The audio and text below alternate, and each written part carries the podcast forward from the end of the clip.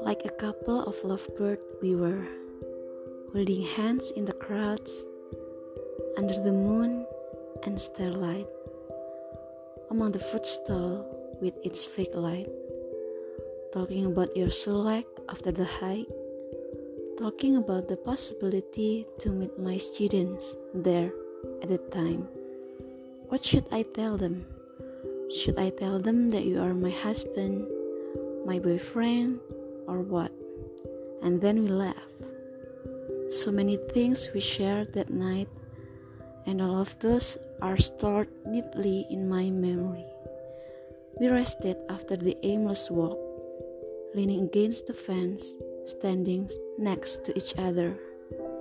I'm sorry, I have no clue where should we go or what should we do Well, I'm the one who asked you to go here. I said, That's totally fine.